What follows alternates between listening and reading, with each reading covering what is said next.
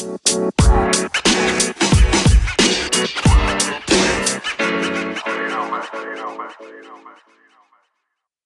everyone, and welcome to the In Other News podcast. I'm your host, Candice Oxley, and the founding editor of In Other News. In Other News is the Good Report. We're an online platform that reports positive black British news, and this podcast is simply an extension of that. We dialogue around new projects, personal and professional growth, and opinion with individuals we hope will inspire you, move you to action in your own life, be proud of, and make you smile. Hey everyone, and welcome to episode 14 of the In Other News podcast. This episode is the long awaited conversation from our first live event back in October. For those who were unable to make it, Black In is our new event series, and we debuted with the creatives. I sat down with Safe House founder Bisola Papula, photography agent Orobi Davis, creative producer Nora Fasai, and artist Kobe Martin. This was a full, rich, and insightful conversation about their journeys, creative ebbs and flows, major keys, what mantras they're taking with them into 2020, and tons, tons more. Remember to share this episode with friends, like, rate, and subscribe to always be notified of the latest episode. We won't speak before Christmas now, so enjoy the festive season I'm wishing you all the very best for 2020. Catch you guys in the new year. Enjoy.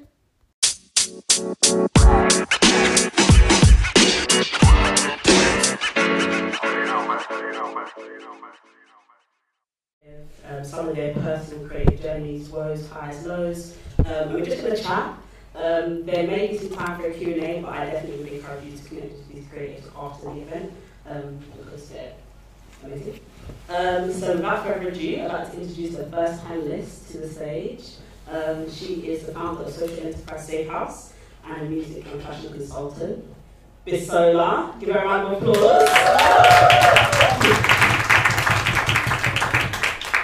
Um, secondly, um, creative commissioner and photography agent Orobi Davis. Uh, next up is creative producer and director Marika Shine.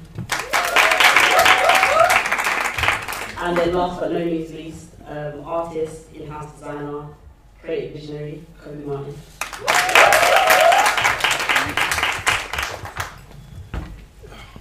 Good? Mic check. Yeah. Hello? Yeah. All good? Good. Just on the side. Good. Sorry.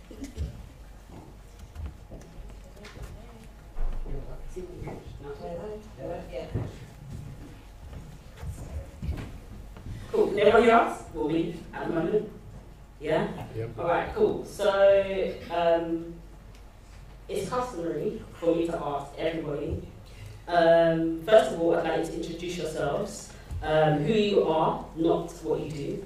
Um, I think it's really important that in this climate we remember who we are outside of what we do, because if what we do changes, um, our roots need, need still need to stay the same. So, some words to describe yourself, maybe three, and then how you would describe 2019 so far. I'll start with you, Liz. Um, I'm Bisola Papula. Um, most people call me Bis, actually most people call me B or Bis. Um, what's the second question? Describe, uh, some words to describe yourself. Uh, three, one, word. Three. Three. um, I'd say I'm very optimistic. Um, I work very, very hard. And I try to be as positive as I can be on the daily. And last question? How would you describe 2019? Uh, 2019 has been a very uplifting year. It's a great word. Yeah, um, it's been a crazy 10 years in my career, and I finally feel like I'm moving in a really good place, so say it's uplifting for me. Good. Yeah, yeah. Hi. um, my name is Nora Fasaye. Um, three words to describe myself, I would say fun. I like to just enjoy myself, even in a serious situation. Um, creative. I'm the person that always comes up with ideas. Um, even with my friends, if they want to grab, like, you should do it this way, you should do it that way. So I like to think I'm the one that comes up with ideas. Um, one more. Uh, I'm just a happy person. I just enjoy myself. I like to smile and just create a comfortable environment everywhere I go. Um, 2019. Whew. 2019 tried to kill me. I'll, I'll start with that. so it's my first year freelancing, completely freelancing. I left my job last year, December. And um, yeah, it's been a roller coaster, but I wouldn't change it for the world. Here for it. Argue? Three words to describe yourself. Um, it's like speed dating.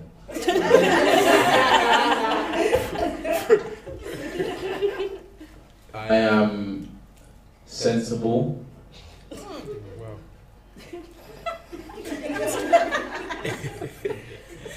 ambitious and uh, banterous. Banterous. Banterous. Okay, banterous. One, two. I am quiet. One, two. Okay, banterous. And 2019 for you has been. Oh, Sorry. Uh, 2019 for me has been exciting. Good. Yeah. Good. Cody? Um, I say spontaneous, um, patient, and uh, ambitious. Um, 2019 has been very challenging in terms of like me pushing myself creatively through my work and um, just thinking outside the box and running towards the risk. Yeah. Hypocrite. Love it. Um, okay, so now I'm going to go back down the line again. In 60 seconds, please describe and share your life from childhood to present day.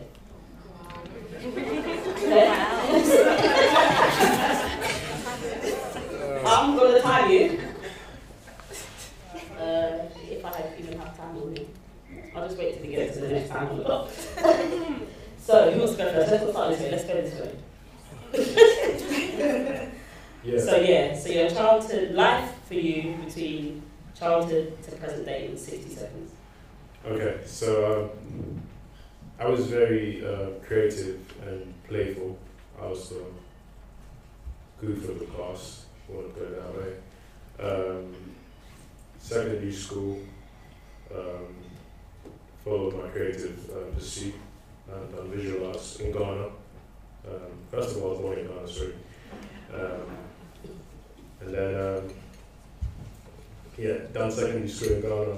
And then I was meant to go to uni in Ghana, but I wasn't admitted because my grades weren't good. So, fortunately for me, my parents set me here. So- Okay. Um, um, so yeah, I came here, just continued working creatively, putting my work out. Um, my first breakthrough came with um, Krept and Konan. Um, and then yeah, been having exhibitions after that, work with a couple of like great um, UK artists and yeah, right over here. Okay, Yeah. good. Alright, cool.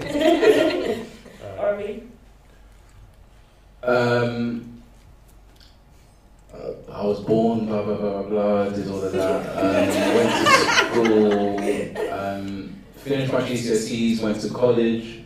Uh, after college, no, during college, I actually wanted to work in the food industry. I wanted to be a, a food technologist. Uh, I'll explain what that is after. I don't, uh, I don't want to eat into my 60 seconds. Um, and then when I was applying to uni, I decided that uh, it's like similar to food science. I decided I didn't want to work in a lab for the rest of my life. Uh, so I, then I decided to work. Um, I decided to, to, to do I wanted to do food marketing instead. And then I decided to just do marketing so I could do anything. And then never went back to food again. And, um, and then I ended up at uh, an artist management company, um, which is quite a, 10 seconds. quite a well-known one. And then I, um, then I left. And then Then I do what I do now. Okay. Laura? 60 seconds. Um, so I was born in Eritrea, East Africa, no, not what that is. Um, I moved to Italy when I was seven and a half years old. Um, I lived there for three years, and um, so I went to like a boarding slash private school. We were looked after by a little bit like Sister Act kind of thing. Um, and then my mom actually tricked me. She told me we were coming here for two weeks on a holiday, and let's just say 14 years later, I'm still here. um, childhood. Yeah, I went to school in North London, crazy school. Um, went to uni, did media production, and yeah, I'm here now. That's it. Good. This? Alright, so um, I was born in Hackney. I've lived there all my life.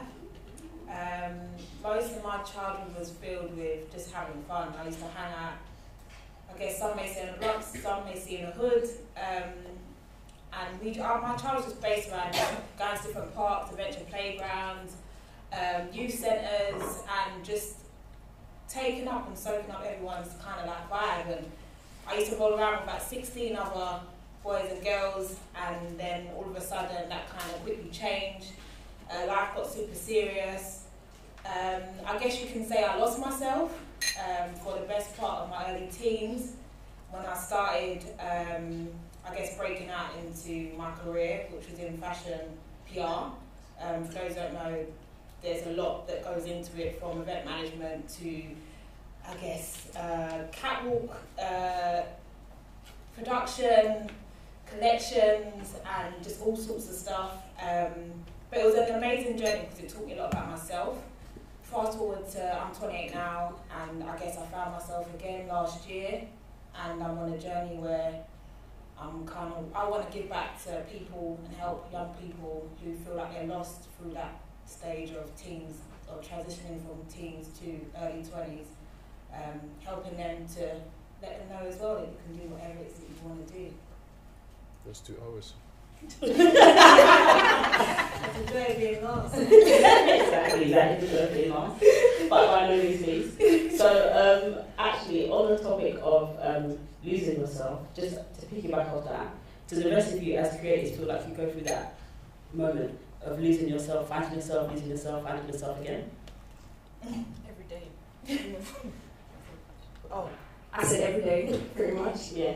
And I think as creatives we go through a lot. Like we have to deal with our mind, our creative minds. We have to deal with the industry, and you also have to deal with the professionals. So it's that constant like, am I doing good enough? And then you look at other creatives who maybe excel in their career. So that there's that comparison side to it as well. But it is a battle and it is up and down every day. But when when you surround yourself with other creators and friends who are also on the same path, that does help. Yeah.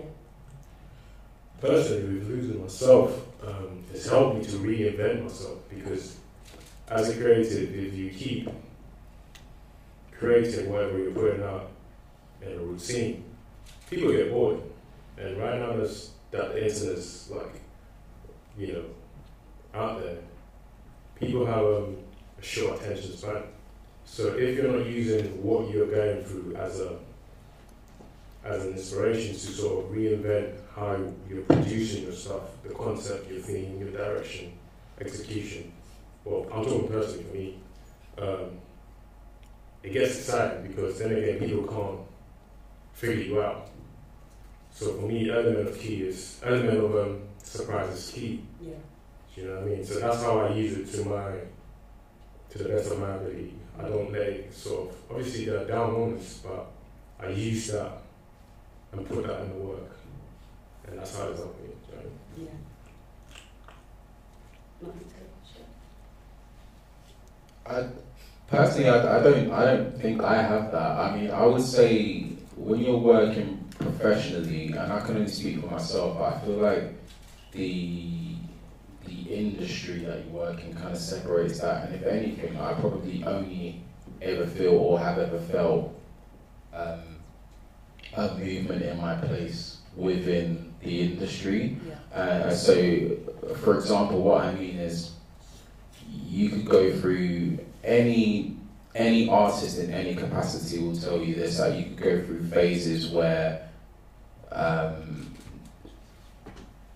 you know, something you're doing is is really is really hot or, or sought after or you know really recognized, and then you go through sort of it could be quiet periods or it could be something a little bit less popular that's perhaps like not as you know doesn't have the same level of spotlight and then you kind of find yourself thinking okay well not as many people are interested in, in this as they were in that and then there's that sort of dysmorphia about your place in your place in the industry there that's that's the only time I ever feel that to be honest And in terms of industry, could you share a little bit about a day in the life of Ori, what industry you're in?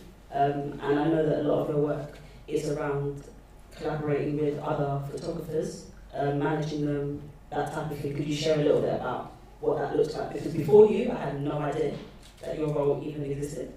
So that would be helpful for me to know a bit more about that.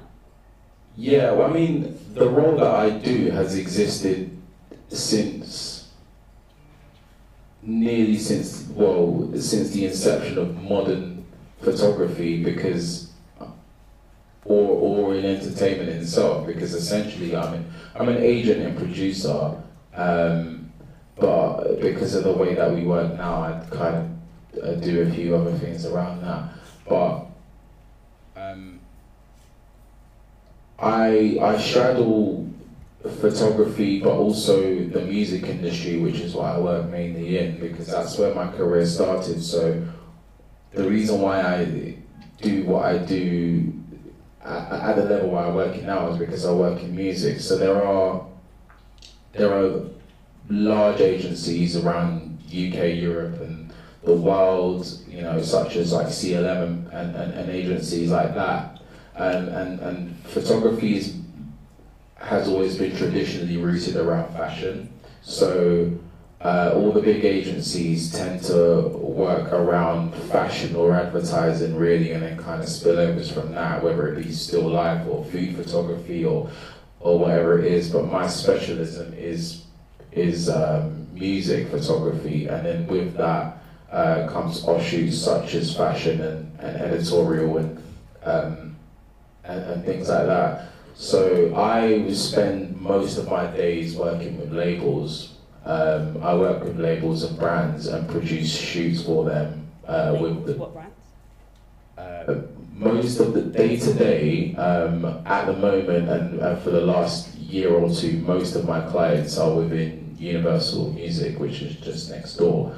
Um, I work nearly every day with at least at least three of their labels um, and we tend to, I get sent uh, new artists, existing artists, and then we'll sort of plot out what what we're doing for them, and whether it be whether it be for press photography, whether it be for artwork, um, whether it be content for another means, whether it, uh, such as uh, a live show or, or for some sort of social media campaign, um, and then where the commissioning comes into it. So this is what I do for um, one label in particular island. I sort of get sent the brief, and then I'll then commission out for um, who I feel is appropriate to to take that on. Um, otherwise, it would be for my own represented um, artists, Okay. creative artists. That is. And who are some of those creative artists? So when I started, the the first client that we took on was um, it was me and someone else um, was a photographer called Vicky Grout, um, who is a premier music photographer in the UK and, was, and is main, known more so for her work in grime. Um, but has a very deep rooted um, investment into uh, streetwear and lifestyle. Um, and then, and then from her, started working very early stage with a photographer called Elliot Morgan, um, a photographer called Lauren Maccabee, and um, uh, most recently with a photographer called Phil Marwy. Um, who, and they are all people that I'm fans of because their work is amazing. Love it. I love it. So, do you have experience as a photographer yourself? I, I, I'm not a photographer myself, so I my background is in is in marketing and music. So the crossover came where this was stuff that I used to work on on the other end. Um, so I used to work for an artist management company and then a label. Um, so we would be looking at so we would be looking at all commissioning the creative for this stuff, and then there's a long-winded story about how this all came about, but I kind of took it to the other side, and my main the, the reason how I sort of do what I do is based on my understanding of what the image will become, and that's that's the way I'm able to see what works and what doesn't work, and and and, and how I'm able to um, how I'm able to pick select and how I'm able to um, to sort of understand even as a photographer or, or as a director sort of who who will be of interest or who who's sort of ahead of the curve or who, who are going to be people to look out for because I can um, you know I've always been able to I think understand what what certain assets will become out in the world uh, from a from an audience perspective. Yeah. I um I completely understand that and I think that segues really nicely into some of the work that Kobe does um, in terms of understanding what the final outcome of something will be. So essentially a lot of your life is from taking something that is nothing and creating it into, in my opinion, a masterpiece. Um, could you talk us through a little bit about that process for you? Um, do you have to be in a particular mental space? Do you paint from different spaces? And then it's twofold. So that and also um, some of the work that you've done for artists as well.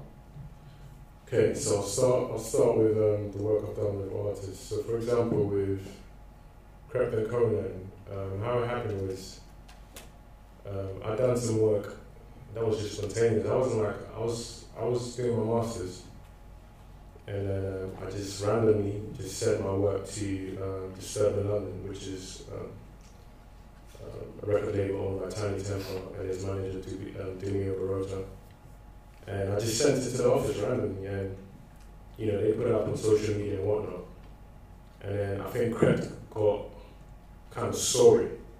And at that time, way before that, I sent him an email saying, yo, if you got a project coming out, I want to pitch for it. So, um, looking back on it, I think he must have seen his email, got back to me, gave me his number, and then jumped on the phone. He was like, yo, I just seen your artwork on Dumi's Instagram and Tinie's Instagram. Were you the one that done that? And I was like, yeah. He was like, okay, cool. Um, I'm going to send you some music. So right there, I was like, I never worked on any album covers, nothing like that. So when he said, I'm to send you some music, that's that's what started for me. Mm. Because I was also finding myself as a album cover artist. So when I listened to the music, it was the mood and the concept and the, just the way, that, like you know, some words that they were saying. The some some of the beats were dark, some of them were slow and emotional. And the thing about me is, um, I got this thing called, um, you know, when when they play a beat, you can see colors. Yeah. For Oh, what's that called? What's that? Oh, I can't remember. Yeah, I, Sin or something. Synesthesia. Synesthesia, yes, yes, exactly. And it's, it's very rare, only a few people have that. Yeah. So, um, yeah, so, you know, with, that helps me to put together um, a colour scheme or a colour palette for the entire project. Do you know what I mean? So I was seeing a lot of reds, a lot of browns, a lot of yellows as well for the entire album.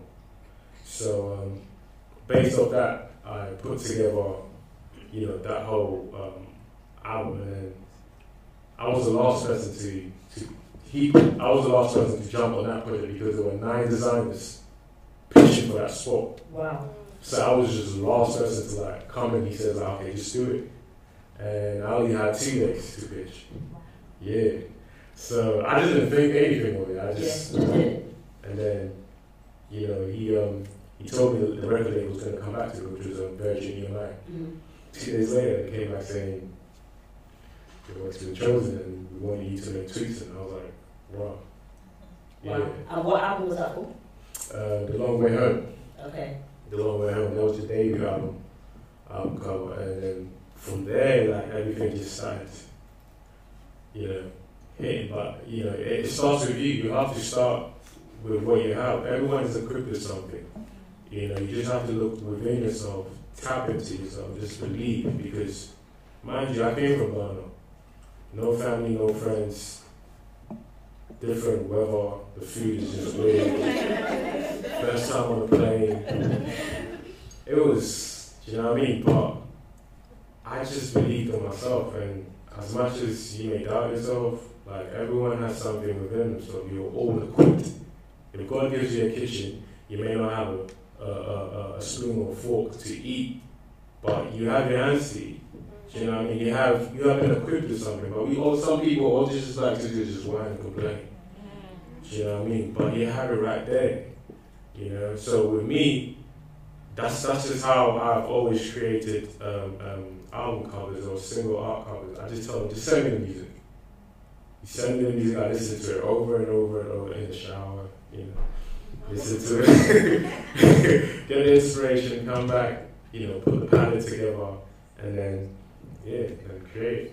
And that's kind of different from creating an art piece. Right, I was about to ask, is that, do you use music as a muse for art when it's not album? It's different. Because sometimes it's just total silence, and I like to work alone. Mm-hmm. I don't really usually invite people to my studio. So with my art pieces and how I create them is usually autobiographical. Mm-hmm. I talk about my life from when I came to Ghana up until now. My last show was about the death of my father. Yep.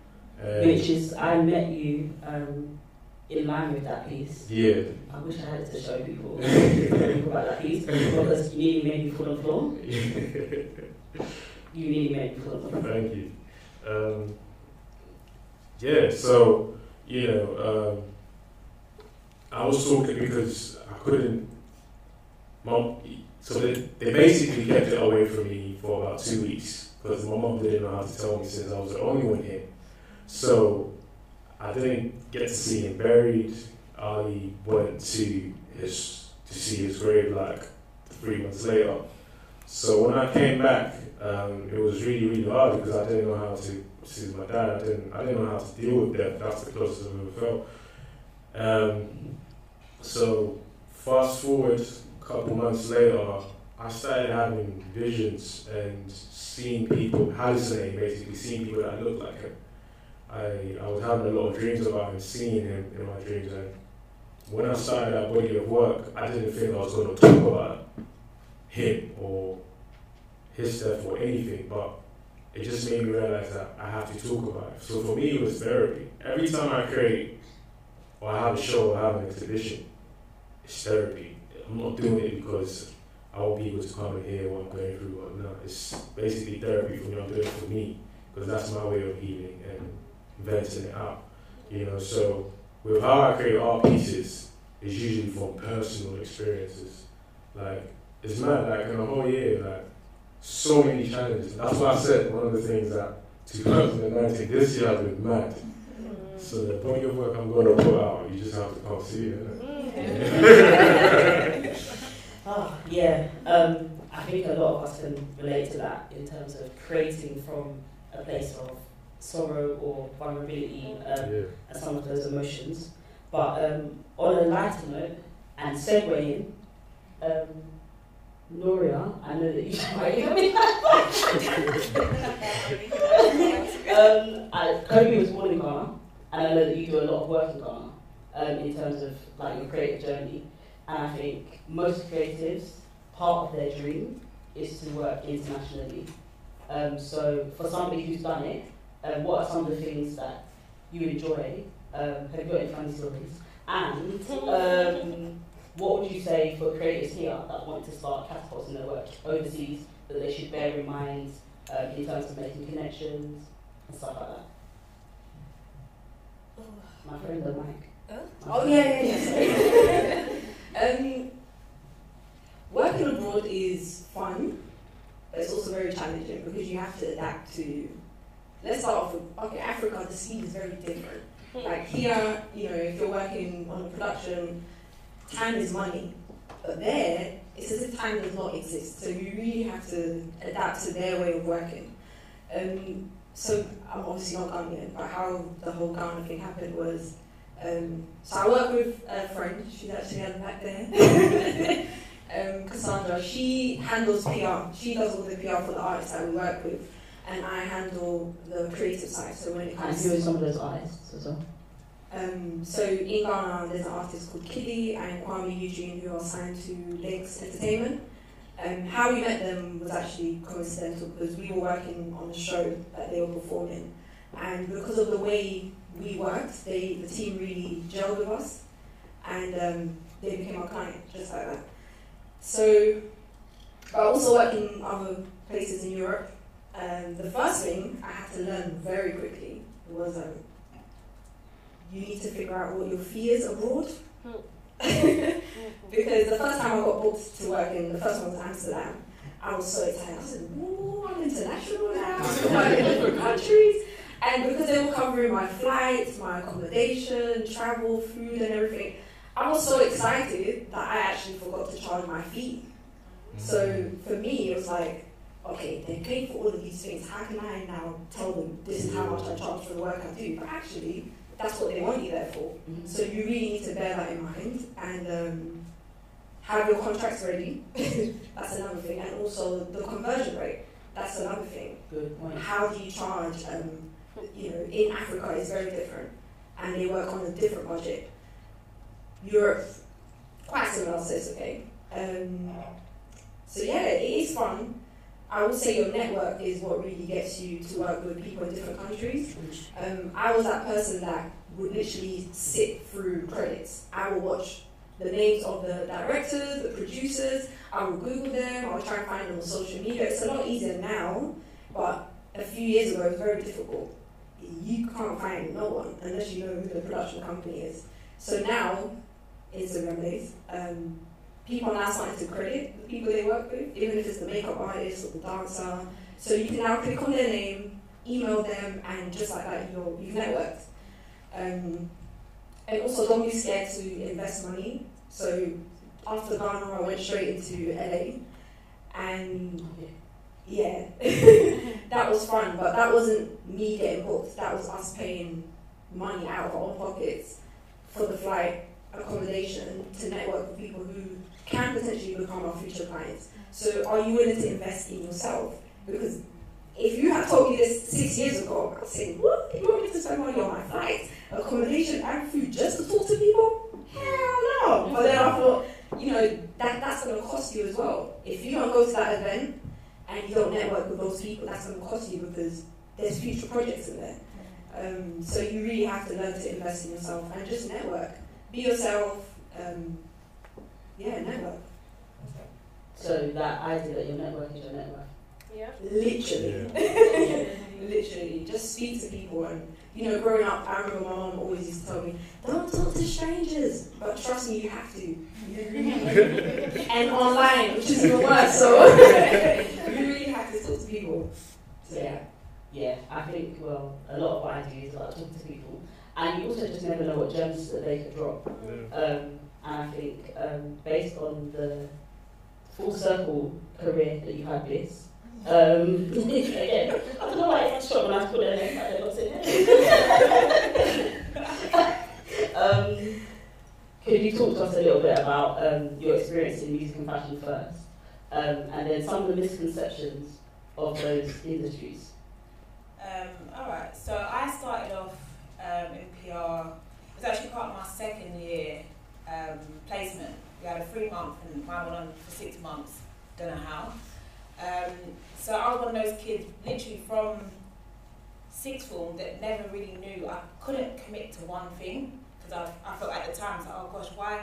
I'm not good enough at this, but maybe if I tried that, da. it was just long, basically. Um, and then my tutor sat down with me, I was one of the late ones, was like, look, I've got a PR company for you to check out.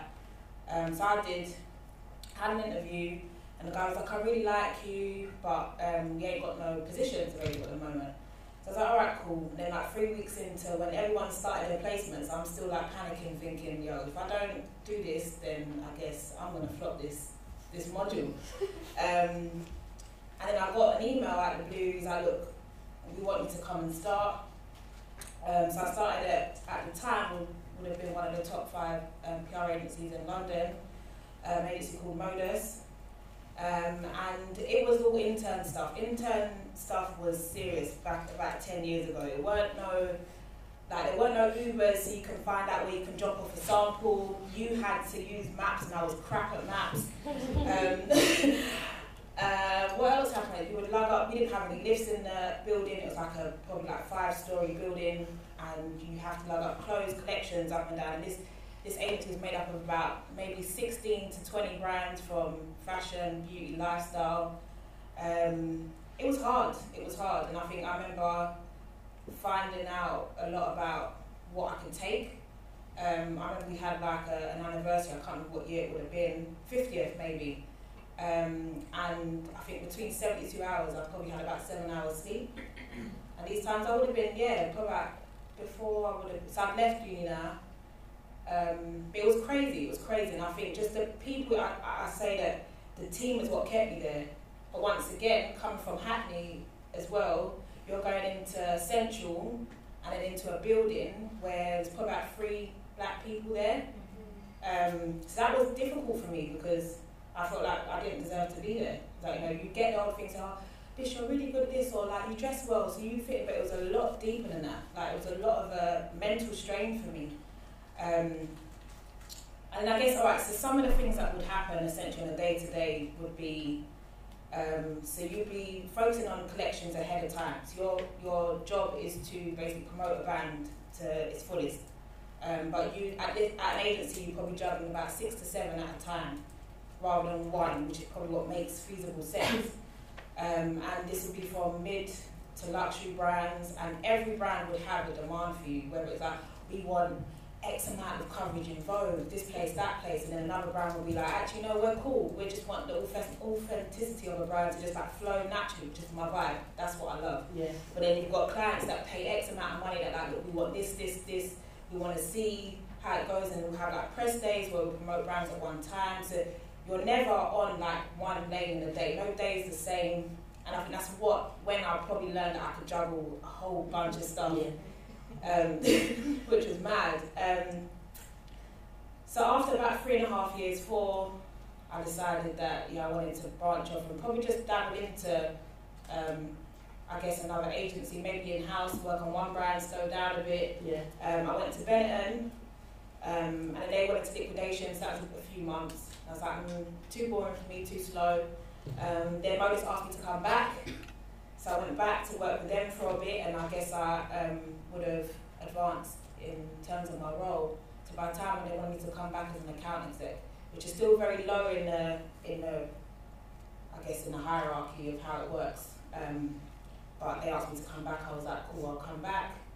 Um, and then I started to have this thing where I actually want to dabble into music because that was my thing from uni. I said I, I really wanted to get into it. Actually, when I was a child, I wanted to be a music director. Yeah. Um, so I was like, okay, cool. So then I came back, left after about a year, went to another couple of agencies, and I was like, I want to explore lifestyle. And I worked at um, an agency called Porter's, um, where I worked on brands like Mercedes Benz, um, alongside Clarks, which is really cool. I loved originals at the time. Um, and then, weirdly enough, I got an opportunity to work on a project with Westfield, which is one of the clients um, they had. And I was like, oh, I want you to get, um, think of a, an artist that could celebrate the um, fifth anniversary with. And I was like, oh, who's cool and current at the time? And I thought, oh, Tinie. Mhm. Fair enough, Kobe's also worked with him as well. Um, and then we managed to work that all out. And I was like, oh, I want to try a bit of freelance. So I left. Now, actually, no, I was made redundant at Paulus, which was actually a bit of a shock for me because I didn't expect it. And once again, I think it's always like, oh, you just don't know. You go to you work in a in a in a in agency, you feel like you're secure, but you never are You secure. to be never honest. Was You never it secure. secure. Yeah. Right. Um, so I left. I went to another agency, and I didn't have the greatest time there. I realised that actually the reason why I didn't have a great time is because it wasn't. I wasn't working on brands that I enjoyed. Right. Um, left there, so I've probably been dabbling around for about five, six years now.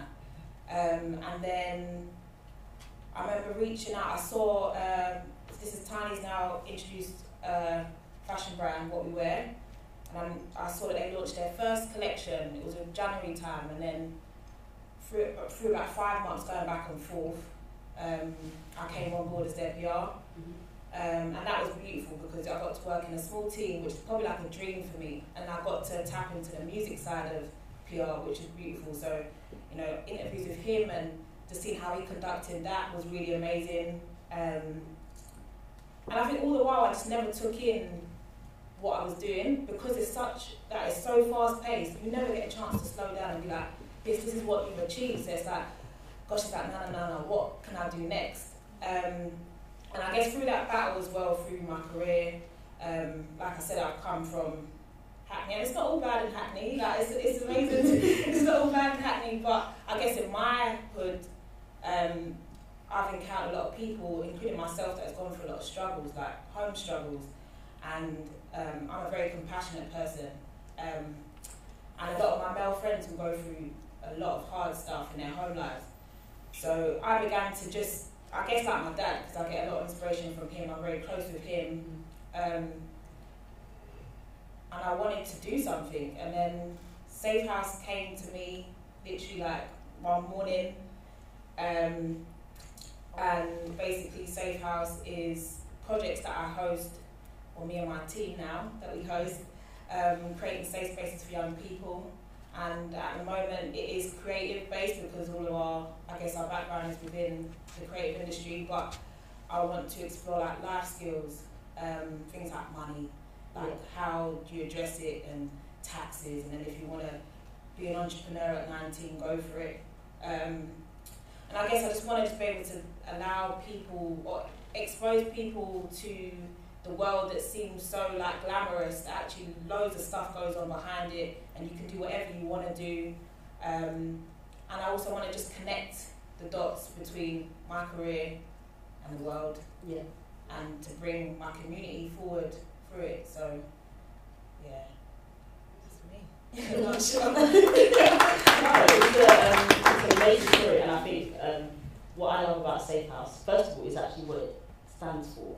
I think because obviously we've had personal conversations about what that means to you. From your experience, obviously your business is called Safe House, and it houses, not houses, but it somewhat houses young people in their creative journey. What do you think um, young people right now are most afraid of?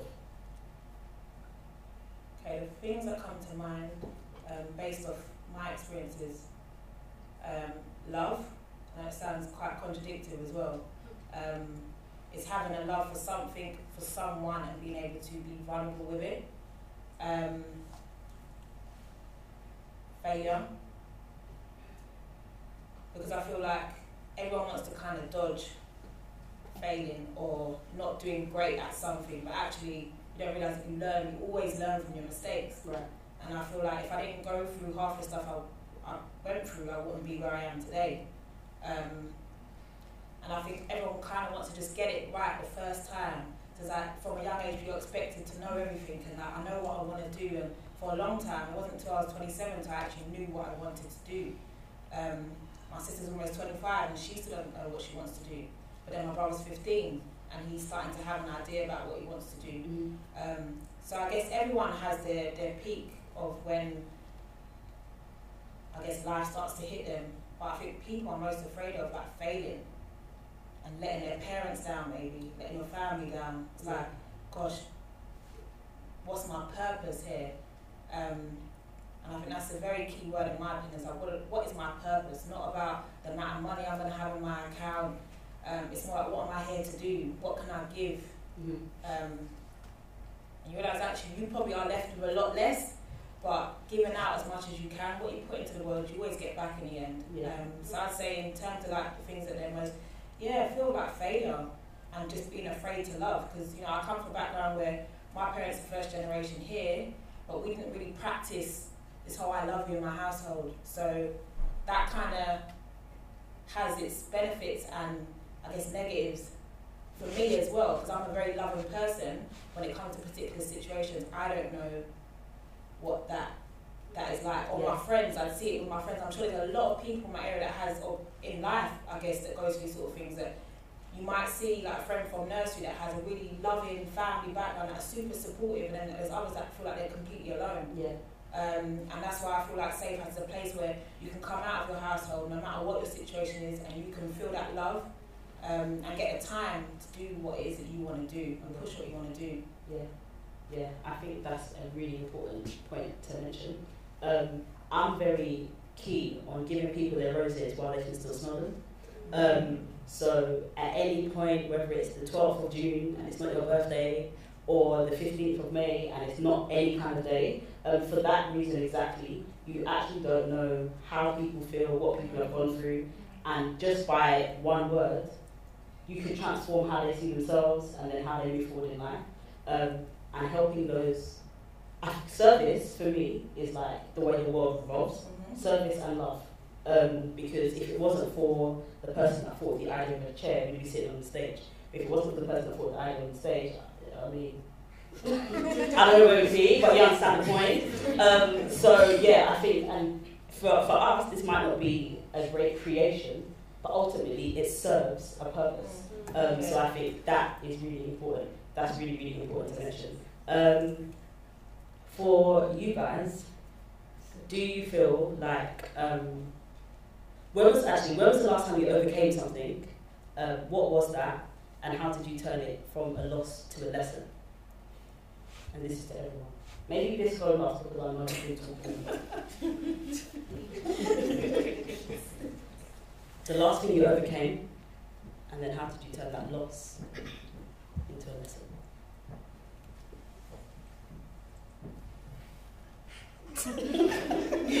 no else over here, but um, uh, you want me to share or?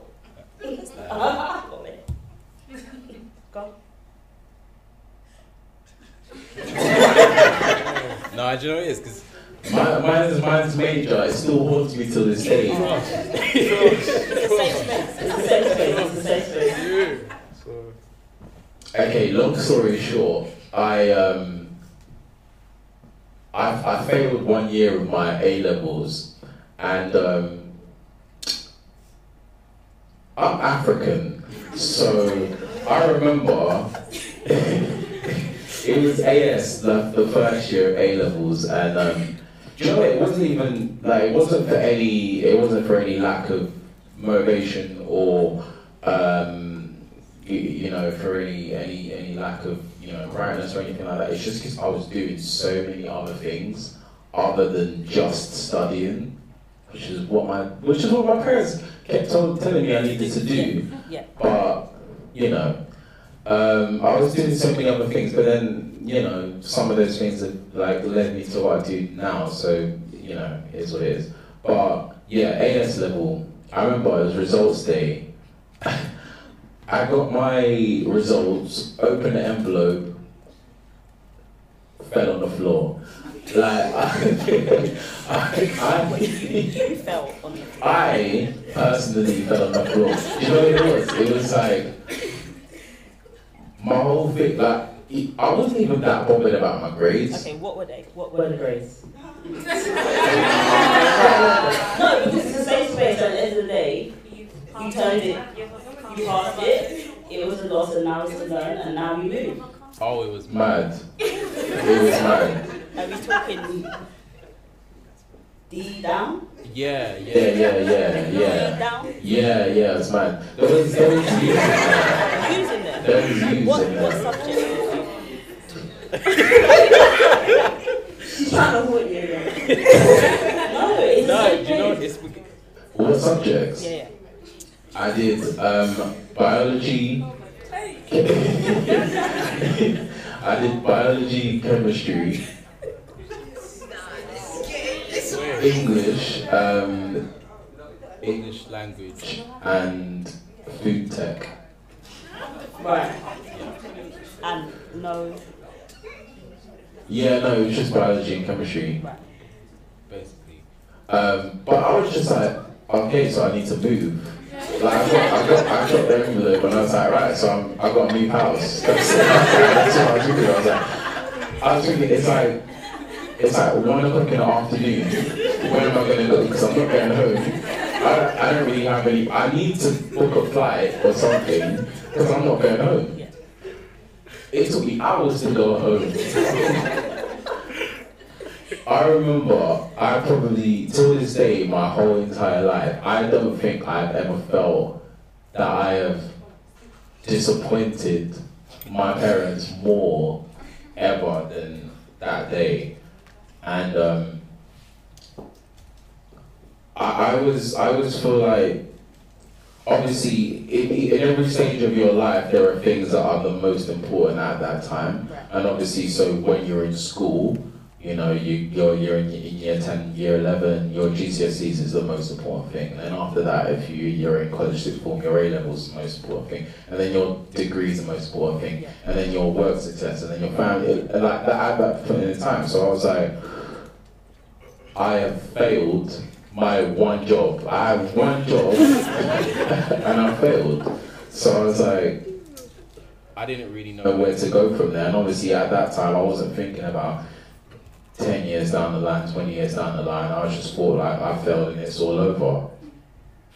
And then I genuinely had to think, unless my life ends now, then I need to just, I need to get over it and think about how to work around this.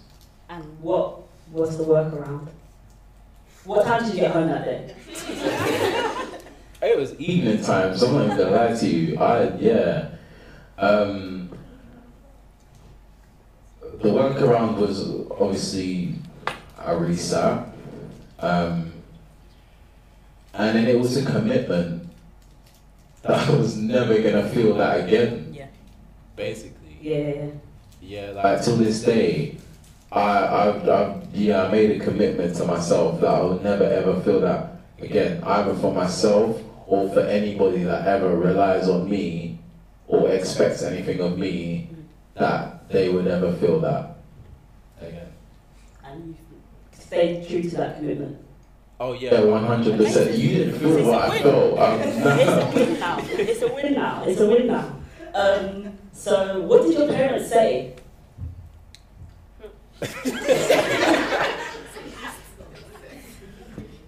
Should, should, should we leave it? I feel like I'm therapy. Um, I'm just really intrigued. Intrigued now. yeah, yeah, Leave it? yeah. Yeah, yeah. I respect it. Codes, um, a lesson, um, a loss that's turned into a lesson for you. Um, so, like I said, I went to secondary school uh, and I did uh, visual arts. So after secondary school, I failed my academic grades, which was a Master in Science. But the art grades, which was um, sculpture, textiles, and graphic design, I passed. So when it was time for me to go to university, which this was in Ghana, um, they failed to realize that I was good creatively, so they just shut me down. And then um, I had to go, you know, do retakes. I did about three retakes, and every time I'd done that, I failed the academic subjects, which was the science and the math. And, the creative grades were always strong, but they were like, you know what, that's a that's a requirement. So if I can't do that, then that means, you know, no uni for me. So I stayed I stayed at home for like two years, and then my dad was like, you know what, we're just gonna send you over here. Mind you, like I said earlier, like there was no one here that I knew, and yeah, just send me over here. So for me, I felt like I failed them. So coming here, and mind you, I they you know tuition fees, accommodation fees. As an I came as an international student, so one year for for my first year we had to pay ten grand. Second year we had to pay another ten grand. Third year twelve grand. Masters fifteen. So it wasn't a joke for me. I didn't come to play. Do you know what I mean? So for me, it was always revenge on just that one time, or those times they didn't give me the opportunity to go to uni. And I thank God that I smashed it before my dad passed away because he saw me rising, Yeah. and he's still rising. But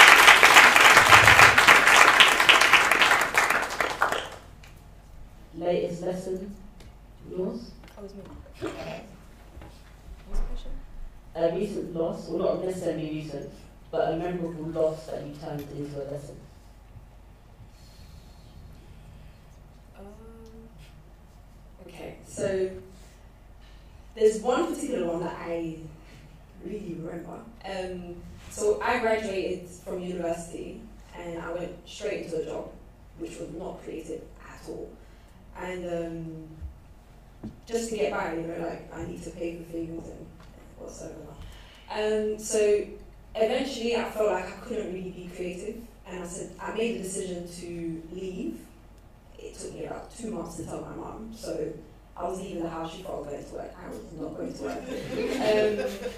um, so well, it, during my last year of university, I started a production company with um, a few other females who were on the same course as me, and that started to really pick up. Um, we were doing a lot of production work, and corporate work, as well as events. And when I told my family, like, guys, by the way, just to let you know, don't panic. Um, I've left my job, but I'm pursuing my creative career.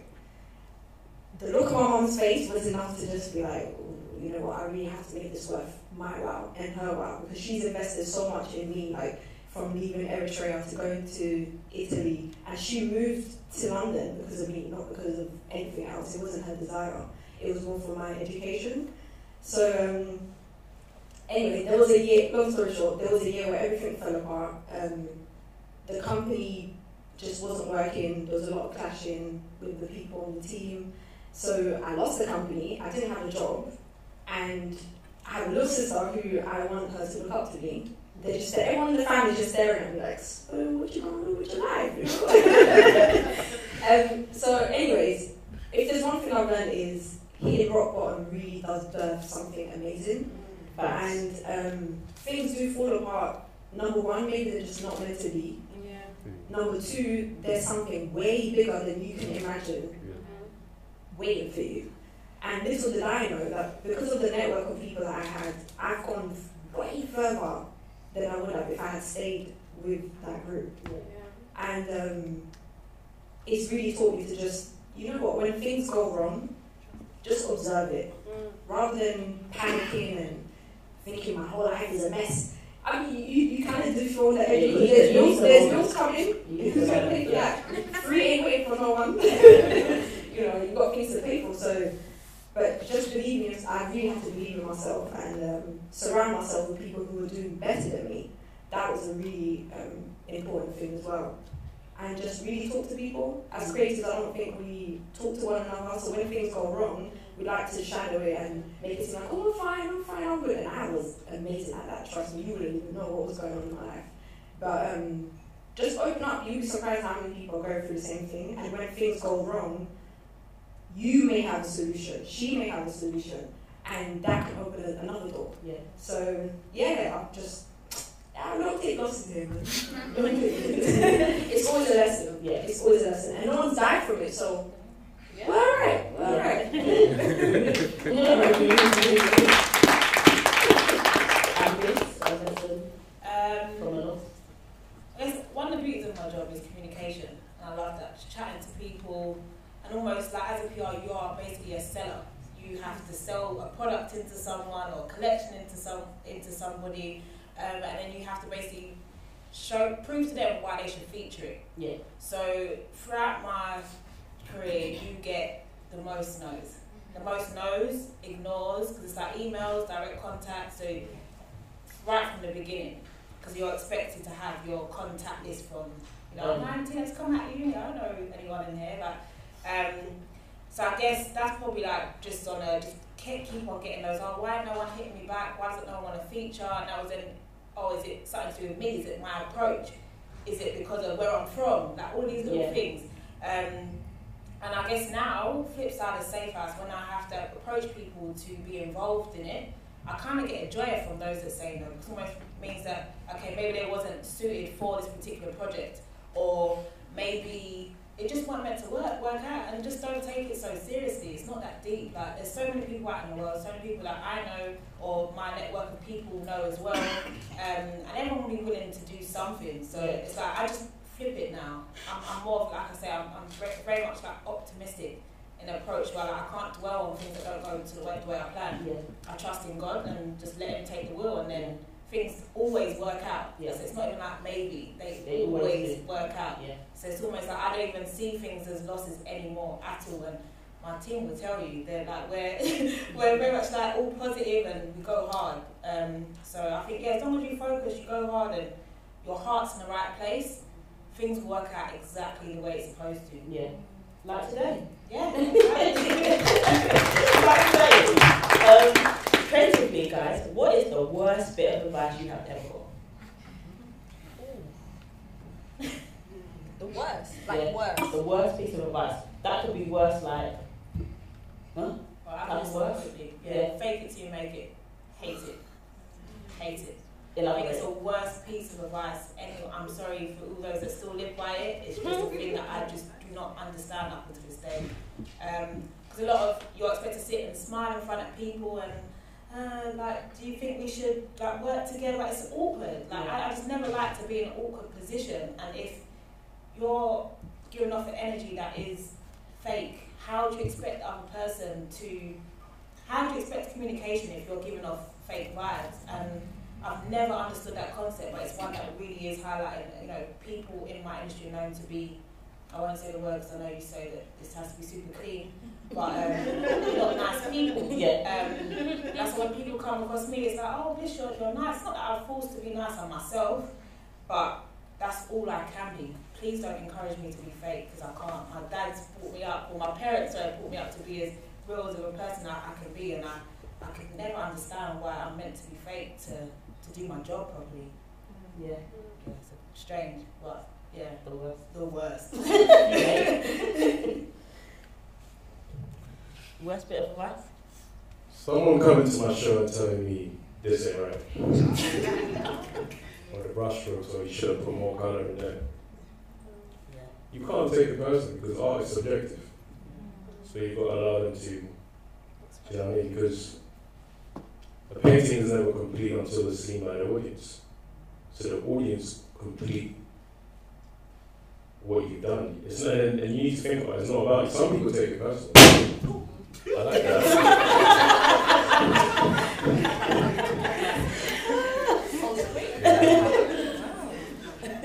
But yeah, Don't take it personally. yeah, don't take it personal. Yeah. um, allow people to, you know, to express their opinions, but you know, opinions are not facts. Mhm. You know what I mean? You you know what you're about, and for all you know, about them had a bad day. You know what I mean? So yeah, that's I don't I don't yeah. Yeah. You know what I mean? So, yeah. Worst bit of advice, Barbie?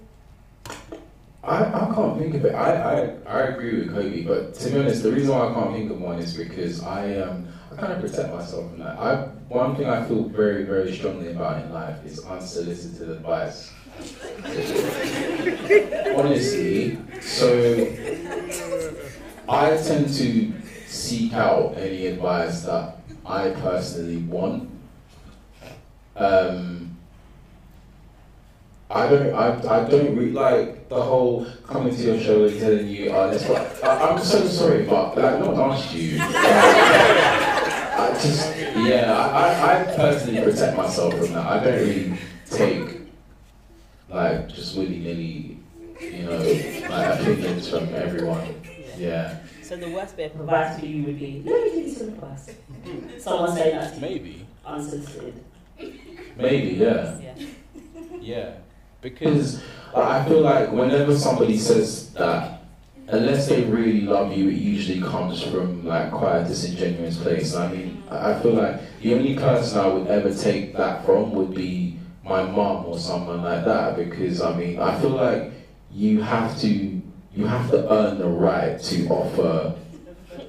I know. I'm being deadly serious, guys. I feel like you have to earn the right to offer certain people some types of advice because especially when you're delving into personal matters and when you're like you know to oh well I mean like uh, are you sure you want to marry him because uh, uh, like some things are just really not your business like and I feel like there are only certain people that have the you know that have a position in your life that have earned the right to have an opinion on certain stuff No, I can agree. I can definitely So how agree. can you tell me how to play the game when you're sitting on the bench?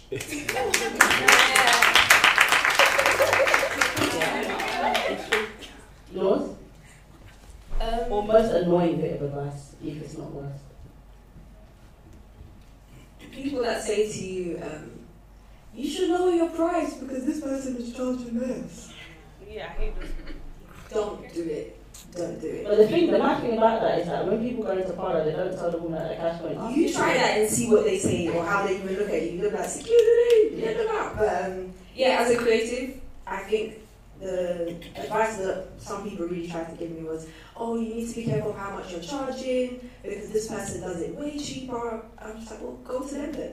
You know, you really have to protect your. Um, a lot of times, it's not just what you charge; it's the value that Yeah. you bring to the table. And not being funny, but if I spent all these years building my skill, this is what I believe I should get paid. Mhm. And um, yeah, just protect your creativity, honestly, your your work, everything. Just protect it, and you have to. There's a thin line between what the standard is that you should charge, and there's people that really charge some ridiculous amount, and that's just because they have a name. But um, if someone can't afford you, then sometimes they're just not your client. So yeah, Yeah, and it's as simple as that. that's it. it is as simple as that. Um, in terms of, I know a lot of you have spoken about culture and heritage, um, but from a black British perspective, do you consider yourself black British? And if so, or if not, why or why not?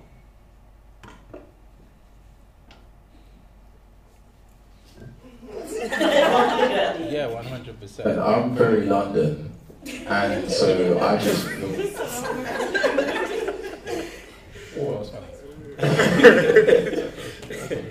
Um, so, I, and I feel like, you know, there are certain identities that come with that, and I, yeah, I very much identify with being black British, but particularly a black Londoner More than anything. Yeah. And what do you enjoy most about being black and from London? What are some of the nuances that make you feel proud to be black and from London?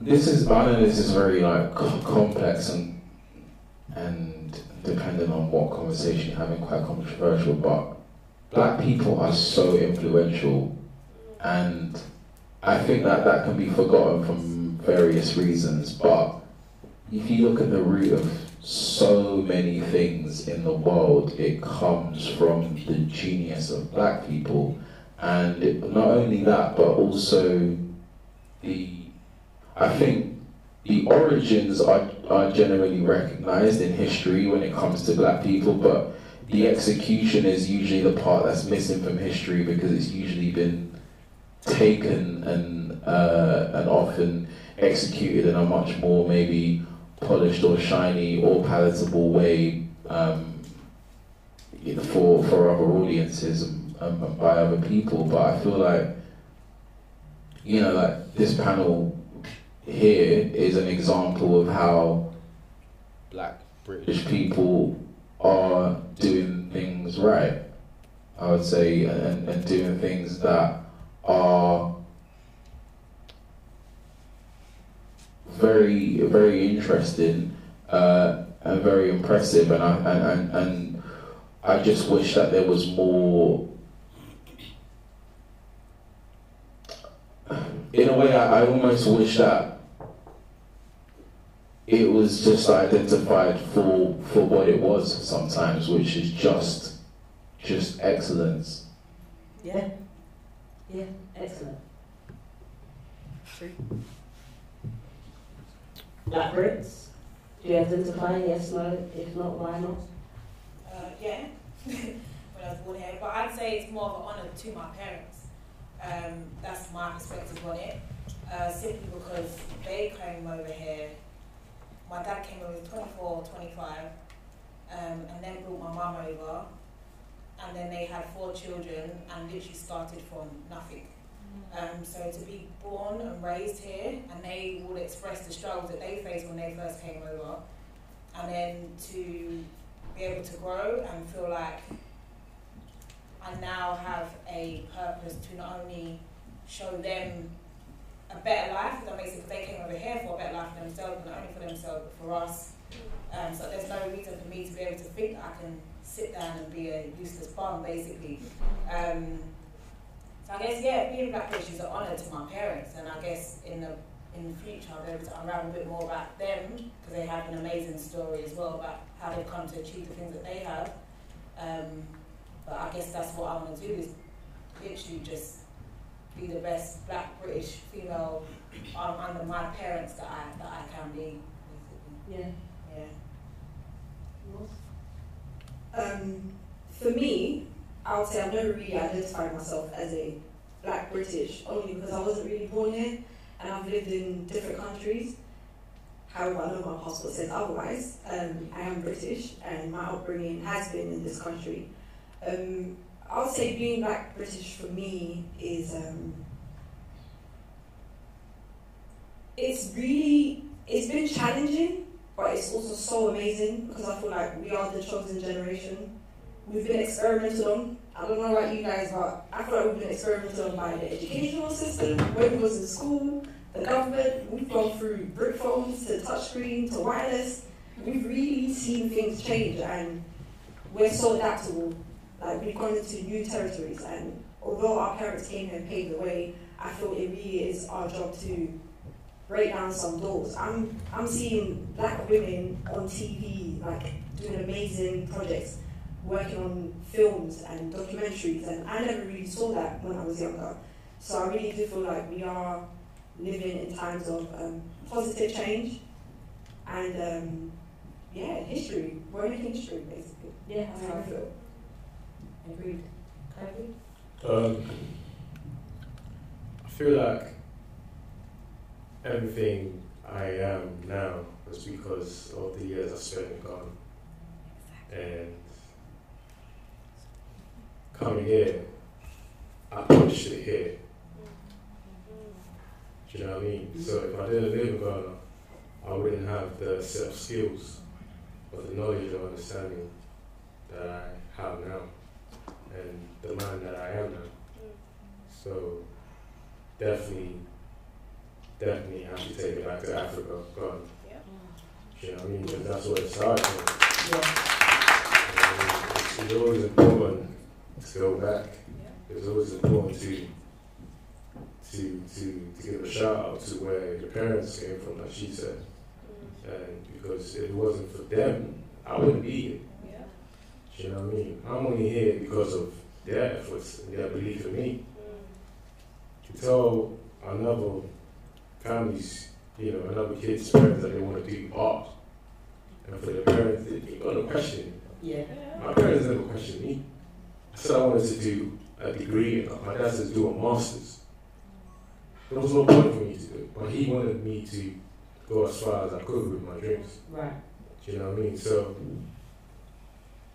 black British, I would just say being black. That's what it is. Do you know what I mean? Because that covers power, uniqueness, excellence, influence. Just being black, simple. You know what I'm saying? So, That was it. That was it. That was it. that was it. Um, and just in um, somewhat of a close, what um, is the current mantra that you're living by right now? And what would you like to project into your life for 2020?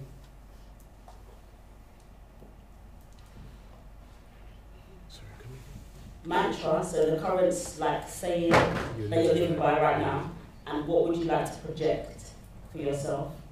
So speak into 2020. Okay. I can make it happen. It's tired on me. It's been something I've read on, I guess, probably from the start of my career. 'cause everything I've had to make things happen. I've had to make ends meet. And that's something I guess I'll live by for the rest of my life. I make everything happen. When I have my kids, I will still make my work happen. So, yeah, make it happen tonight. Yeah. Nice. I'm still thinking. Oh yeah, I go. Um, I think I got two.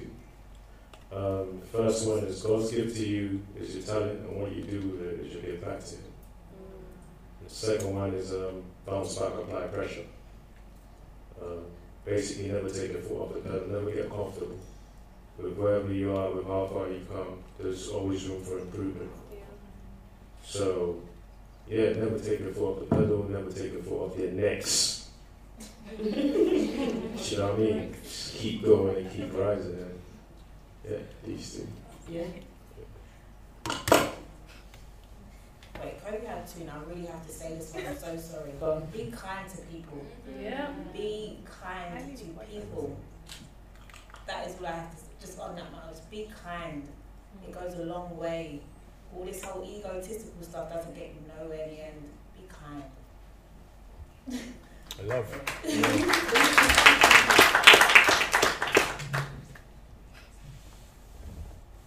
I'm under pressure, so I can't think of a mantra, but I would echo what Bissy said. To be honest, um, I mean there is a there is a saying that is work hard and be kind to people, um, and I think that I'm glad you said that. after because the first your first mantra, which was make it happen, you know, if you kind of took that, you took it away. Um, it's very easy to think by any means necessary, but sometimes you do have to remember.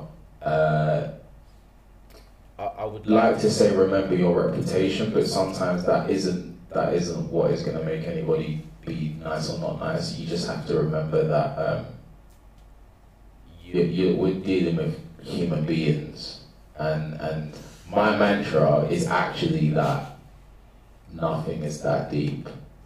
Um, genuinely, and I feel that you have to. It's it's it's important to remember. I mean, especially you know we work in the kind of industries that we work in. We work with a lot of people with very overinflated egos, and we work with people who um, believe that things are way more important than they actually are in the grand scheme of things in the world. Um, I mean, I, I battled for a long time with the fact that for a living I make stuff and people look good. Um, you know, and it's great and it's and I love it, but take that all away and the world still spins. You know what I mean? Like it's not it's not that deep. Like we we're here as human beings. If, if all of these industries collapse, so we just gotta we've got to be um, people that we want to be on earth with. Yeah. Laws? Um, for me, I would say it's always being gratitude.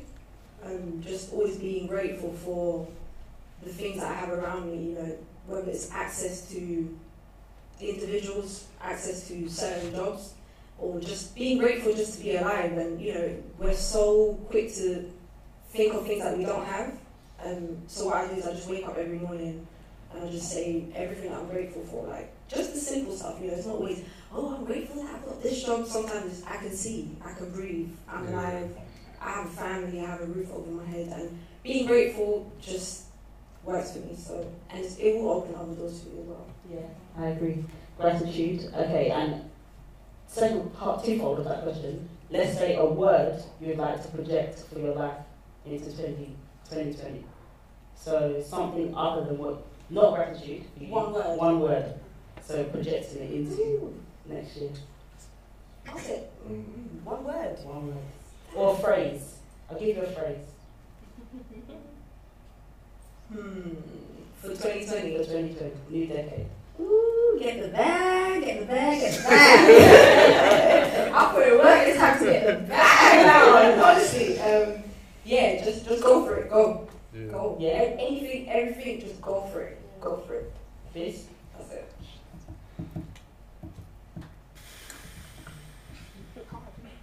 It is hard.